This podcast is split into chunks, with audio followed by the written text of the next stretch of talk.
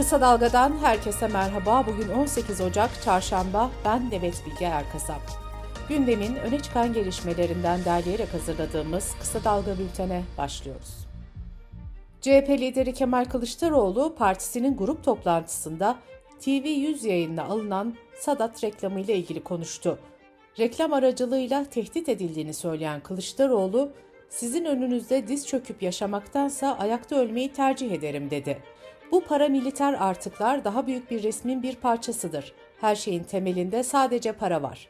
Bu parayı çalan beşli çetelerdir diyen CHP lideri şu ifadeleri kullandı. Önce benimle konuşmak ve anlaşmak istediler, kapıyı yüzlerine kapattım. Bazı medya organlarını da işin içine soktular. Satın alınan araştırmacıları var, medya ünlüleri, satın alınan gazetecileri var. Artık son aşamaya geldik. Silah ve suikast tehditleri. Son uyarılarını yapıyorlar akıllarınca. Eğer bana bir şey olursa halkıma emanetimdir 418 milyar doları siz tahsil edeceksiniz. Çünkü bu para bu ülkenin parasıdır. Bu arada Kemal Kılıçdaroğlu reklamı yayınlandığı TV100'ün sahibi Necat Gülseven'le önceki gün CHP Genel Merkezi'nde görüştü. Kılıçdaroğlu Gülseven'den Sadat reklamlarına gelen tepkiler sonrası işten çıkarılan 3 kişinin geri alınmasını istedi. Gülseven de reklamcıların tekrar işe alınacağının sözünü verdi. Adnan Tanrıverdi'nin kurucusu olduğu Sadat, kendisini savunma alanında danışmanlık ve askeri eğitim veren bir şirket olarak tanımlıyor. Ancak Sadat hakkında kurulduğu günden bu yana farklı iddialar gündeme getiriliyor. Kılıçdaroğlu da 2022'nin Mayıs ayında paramiliter bir yapı olarak tanımladığı Sadat'ın merkezine giderek seçim güvenliği konusunu gündeme getirmişti. CHP lideri burası aynı zamanda terörist yetiştiren bir kuruluş demiş ve iddialar Türkiye'nin gündemine oturmuştu. Seçim tarihinin erken alınması ile ilgili MHP Genel Başkanı Devlet Bahçeli'den açıklama geldi. Partisinin grup toplantısında konuşan Bahçeli, Mayıs ayı içinde bu işi bitirelim. Bu bir erken seçim değil, tarihin güncellenmesidir. Sandıktan kaçmanın kimseye bir yararı bulunmayacaktır dedi. HDP eş genel başkanı Pervin Buldan'ın kendi adayımızı çıkaracağız çıkışının ardından gözler kimin aday olacağına çevrilmişken HDP'den yeni açıklamalar geldi. Buldan partisinin grup toplantısında dün şunları söyledi. Türkiye halklarının tüm renklerini temsil eden bir cumhurbaşkanı adayımızla seçimlere gireceğimizin altını bir kez daha kalın harflerle çizmek istiyorum. HDP'nin eş genel başkan yardımcısı Tayyip Temel ise Emek ve Özgürlük İttifakı olarak çalışmaları hızlandırdıklarını söyledi. Temel, Cumhurbaşkanı adaylarını 10 gün içinde açıklayacaklarını bildirdi. 2016 yılından beri Edirne cezaevinde bulunan HDP'nin önceki dönem eş genel başkanlarından Selahattin Demirtaş ise CHP'ye seçim güvenliği çağrısı yaptı. Demirtaş açıklamasında 3 muhalefet ittifakı da seçim güvenliği için ortak çalışma başlatmalı. Buna öncülük etmek CHP'ye düşer ifadesini kullandı. Seçimler yaklaşırken kamuoyu araştırma şirketlerinin yoklama ve analiz çalışmaları da sürüyor. Kürt oylarının hangi partiye gideceği de sık sık gündeme gelen konulardan biri. Gerçek Gündem internet sitesinden Miray Tamer'e konuşan Ravest Araştırma Genel Müdürü Roj Girasun, her 100 Kürt seçmenden 25-30'unun AKP'den koptuğunu söyledi. Girasun, peki bu kitle başka bir partiye gidiyor mu yoksa gri alanda mı kalıyor sorusuna da şu yanıtı verdi. Seçmenler ideolojik olarak kanaat olarak Deva Partisi'ne yakın olsalar bile oy tercihi açısından CHP'yi tercih ediyorlar. Çünkü muhalefetin büyük parçası bugün CHP. Adayını henüz açıklamayan Altılı Masa'da yer alan siyasi partiler 26 Ocak'ta Meral Akşener'in ev sahipliğinde yapılacak toplantıda adayı belirlemek için masaya oturacak. BBC Türkçe'den Ayşe Sayın imzalı habere göre CHP lideri Kılıçdaroğlu'nun adaylığına İyi Parti mesafeli duruyor. Kulis bilgilerine göre İyi Parti adayın halka ve parti tabanlarına sorularak belirlenmesi önerisini masaya getirecek. Akşener, Perşembe gününden itibaren liderleri ziyarete başlayacak. Parti kulislerinde adaya ilişkin eğilimler uzun süredir konuşuluyor. Buna göre CHP, Genel Başkan Kemal Kılıçdaroğlu'nun adaylığında ısrarlı. CHP liderinin de öncelikle kendi adaylığı üzerinde uzlaşma arayacağı ifade ediliyor. Demokrat Parti Genel Başkanı Gültekin Uysal ve Saadet Partisi Genel Başkanı Temel Karamollaoğlu'nun Kılıçdaroğlu'na destek eğiliminde olduğu belirtiliyor. Deva Partisi Genel Başkanı Ali Babacan da kendi adaylığını bir süredir dile getiriyor. Gelecek Partisi'nden de Kılıçdaroğlu'nun adaylığına sıcak bakılmıyor. İyi Parti'de ise seçimi ilk turda kazanma potansiyeli en yüksek aday olarak İstanbul Büyükşehir Belediye Başkanı Ekrem İmamoğlu'nun adı öne çıkıyor.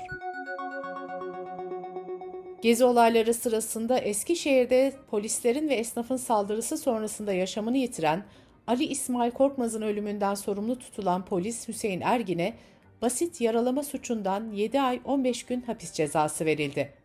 Sanık polis memuru verilen ceza bir yılın altında kaldığı için cezanın kesinleşmesinden 5 ay sonra memuriyetine devam edecek.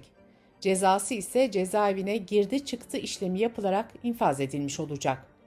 Anayasa Mahkemesi geçen yıl Korkmaz ailesinin başvurusunu kabul edip Hüseyin Ergin'in yeniden yargılanmasına karar vermişti. Yüksek Mahkeme devleti 67.500 lira tazminat ödemeye de mahkum etmişti.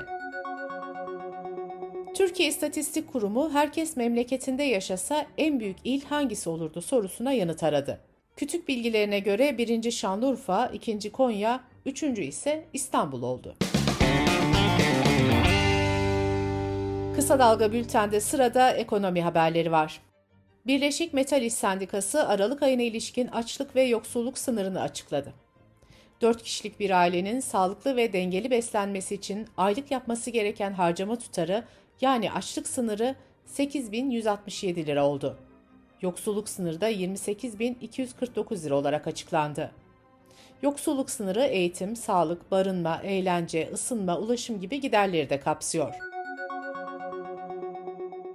Yüksek enflasyonla geçen 2022 yılında iğneden ipliğe gelen zamlar market sepetlerine de yansıdı.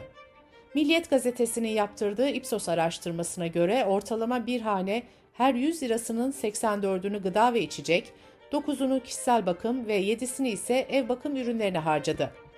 Araştırmaya göre bir sepete ödenen tutar geçen yıla göre %85 arttı. Milyonlarca kişi EYT'nin yasalaşmasını beklerken AKP Grup Başkan Vekili Muhammed Emin Akbaşoğlu'ndan yeni açıklama geldi. Düzenlemenin en geç önümüzdeki hafta meclise sunulacağını belirten Akbaşoğlu, EYT'lilerin Mart ayında maaş alabileceklerini söyledi. Merkez Bankası verilerine göre Kasım ayında bir önceki aya göre %3.8 oranında artan konut fiyat endeksi, bir önceki yılın aynı ayına göre %174 artış gösterdi. İstanbul'daki yıllık konut fiyatı artışı ise %186 oldu. Türkiye Tekel Bayileri Platformu Başkanı Özgür Aybaş, alkollü içkilere yapılan zamlara tepki gösterirken, 70'lik rakının 3 ay sonra 1000 lira olabileceğini belirtti.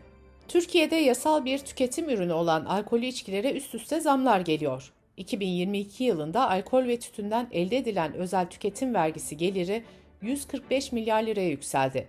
Independent Türkçe'den Lale Elmacıoğlu'nun haberine göre alkollü içkilerde vergi oranı %250'yi geçti. Örneğin 70'lik bir şişe rakının vergisiz fiyatı 114 lira olurken satış fiyatı 408 lirayı buluyor.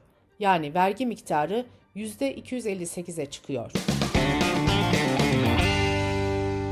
Dış politika ve dünyadan gelişmelerle bültenimize devam ediyoruz. Dışişleri Bakanı Mevlüt Çavuşoğlu'nun ABD ziyareti dün başladı. Gündemde F-16'lardan Suriye kadar pek çok başlık yer alıyor. Ankara ile Şam arasındaki normalleşme süreci ve Türkiye'nin Suriye'nin kuzeyine düzenlemek istediği askeri harekat, Amerika'dan F-16 alım süreci, Rusya ile ilişkiler ve ABD'nin uyguladığı yaptırımlar masadaki önemli başlıkları oluşturuyor. İsveç ve Finlandiya'nın NATO üyelikleri de gündeme gelecek önemli konular arasında yer alıyor. Almanya'nın Dışişleri Bakanı Ukrayna'yı işgal eden Rus liderlerinin yargılanması için özel bir uluslararası mahkeme kurulması çağrısında bulundu. Ukrayna, Avrupa Birliği ve Hollanda da bu öneriyi destekliyor. Ukrayna'ya yönelik saldırısını özel bir askeri operasyon olarak nitelendiren Rusya ise sivilleri hedef almadığını ve savaş suçu işlemediğini söylüyor.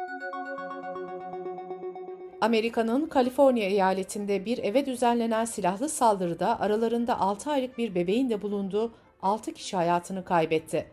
Polis şefi saldırıya uyuşturucu çetelerinin karıştığını söyledi. Londra Polis Teşkilatı'na mensup üst düzey bir polis memuru kadınlara yönelik en az 49 cinsel saldırı suçu işlediğini itiraf etti. Polis memurunun 24 kez de tecavüz suçu işlediği açıklandı. BBC'nin haberine göre olayın ardından Londra Metropoliten Polis Teşkilatı'nda 800'den fazla polis inceleme altına alındı. Dünyanın en kalabalık ülkesi Çin'in nüfusu 1961'den sonra ilk kez azaldı. Çin'in nüfusu 2022 yılının sonunda 1.4 milyara düştü. Çin'de hükümet birkaç yıldır nüfus krizini önlemek için insanları çocuk yapmaya ikna etmeye çalışıyor. Yeni politikalarla çocuk sahibi olmanın finansal ve sosyal yükü azaltılmaya çalışıldı. Çin'de geçen yıl ayrıca 1976 yılından bu yana en yüksek ölüm oranı kaydedildi. Bültenimizi kısa dalgadan bir öneriyle bitiriyoruz. Düşük faizle konut kredisinden sonra imar affı beklentisi de gündemde. Peki bu politikalar barınma hakkının neresinde? Mehveş Evin ve Ferdi Akarsu emlak çılgınlığının ekonomik, sosyal ve ekolojik boyutunu Yeşil Dalga'da anlatıyor. Yeşil Dalga'yı kısa dalga.net adresimizden ve podcast platformlarından dinleyebilirsiniz. Gözünüz kulağınız bizde olsun. Kısa Dalga Medya.